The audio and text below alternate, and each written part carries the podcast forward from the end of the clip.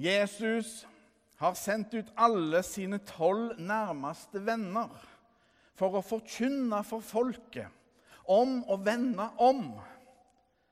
På sin vei helbrede disse tolv og mange syke. Jesu nærmeste disipler, apostlene, har altså vært ute på tur, to og to, og fortalt om Jesus. De er fulle av glede og inntrykk når de kommer tilbake oss. La oss høre Herrens ord. Det står skrevet i evangeliet etter Markus. Apostlene samlet seg igjen hos Jesus og fortalte ham om alt de hadde gjort, og alt de hadde lært folket.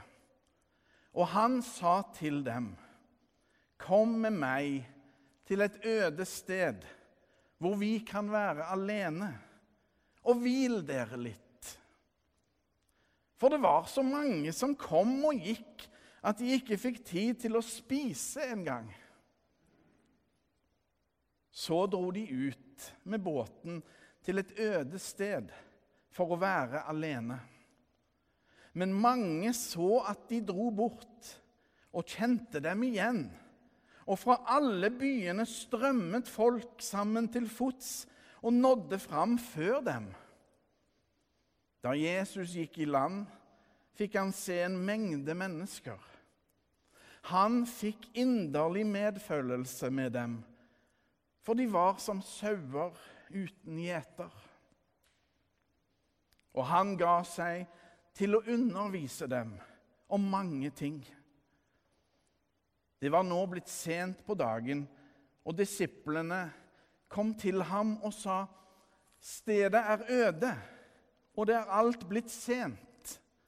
Send dem fra deg, så de kan dra til gårdene og landsbyene her omkring og kjøpe mat. Men Jesus svarte, 'Dere skal gi dem mat.' De sa, 'Skal vi kanskje gå og kjøpe brød for 200 denarer, så de kan få spise?' 'Hvor mange brød har dere?' spurte han. 'Gå og se etter.' Da de hadde gjort det, sa de, 'Fem brød og to fisker.' Så sa han, at de skulle la alle danne matlag og sette seg i det grønne gresset.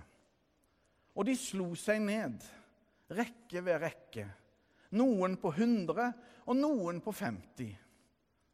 Så tok han de fem brødene og de to fiskene, løftet blikket mot himmelen og ba takkebønn, brøt brødene i stykker og ga til disiplene for at de skulle dele ut til folk.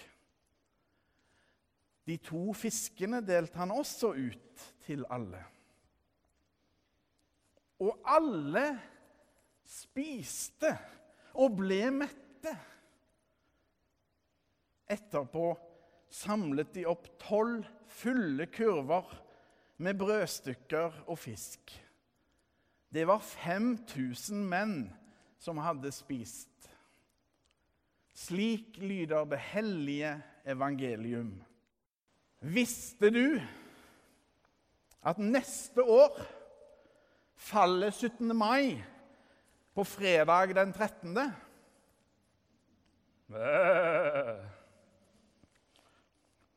Det var en morsomhet for de som lurte. Min fru sier om slike morsomheter at det er ikke løye. Det er altså ikke morsomt, sier hun. Dette året faller 1. mai på en søndag. Det er iallfall helt sikkert. Det er offentlig høytidsdag. Det er kampdagen som markerer solidaritet mellom mennesker. En skal ha respekt for 1. mai og dens verdier. For til alle tider har mennesker vært utnytta og utbytta. Urett er dessverre ikke historie. Det å tråkke på andres liv og verdier er dessverre skremmende aktuelt. Enten det gjelder krigen i Ukraina med dens enorme lidelser, eller provoserende bokbrenning i ytringsfrihetens eller religionskritikkens navn. Jeg hørte en gang om to naboer som på et vis førte krig mot hverandre. Den ene var aktive i sin fagforening. Den andre var aktive i kirka. Som om det er en motsetning. Det er et annet spørsmål. Men uh, i alle fall, de førte krig. Og hver langfredag klipte den ene naboen plenen og jobba støyende i hagen. Så kom 1. mai, og den samme naboen heiste flagget og kledde seg opp. Det var jo høytidsdag. Da var det den aktive kristne sin tur. Vedkommende klipte plenen med en støyende motorklipper og arbeida i sin hage som hevn. Disse to naboene tråkka begge på hverandres verdier. Det er en trist historie. Men historien vi nettopp leste, er ikke triste. Jesus så folket og fikk inderlig medfølelse med dem, for de var som sauer uten gjeter. Leste vi nettopp. Han som kaller seg for den gode gjeteren, kan ikke annet enn å vise de omsorg. Av litt mat blir det mat til alle, og vel så det. Det blir til og med mat, mye mat til overs. Jesus viser hvem Gud er, og hvordan Gud er. Derfor skjer det et matunder der ute. Og det for flere enn 5000.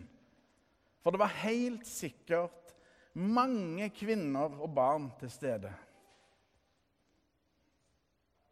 Herren er min hyrde. Jeg mangler ikke noe. Hørte vi nettopp lest fra Salmenes bok i Det gamle testamentet, Salme 23. Jesus Kristus er denne hyrden.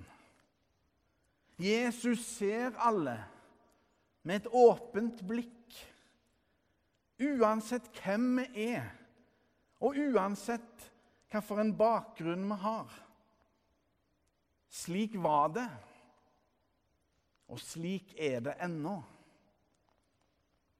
Dagens tekst viser oss Jesus og hans uendelige omsorg for oss alle. Med påskens dramatikk og Jesus' seier over døden i friskt minne får vi et hellig og forunderlig lys over denne sterke fortellingen. Jesus er virkelig den gode gjeteren. Jesus går med oss og snur aldri ryggen til oss, uansett hva som måtte komme til å skje. Uansett hva vi måtte finne på. Den gode gjeteren Jesus gjør ikke forskjell på folk. Han har inderlig medfølelse med oss alle. Vi skal slippe å være som sauer uten gjeter. Vi skal slippe slippe å være redde. Vi har nemlig en bror og redningsmann som er sterkere enn alt, også døden.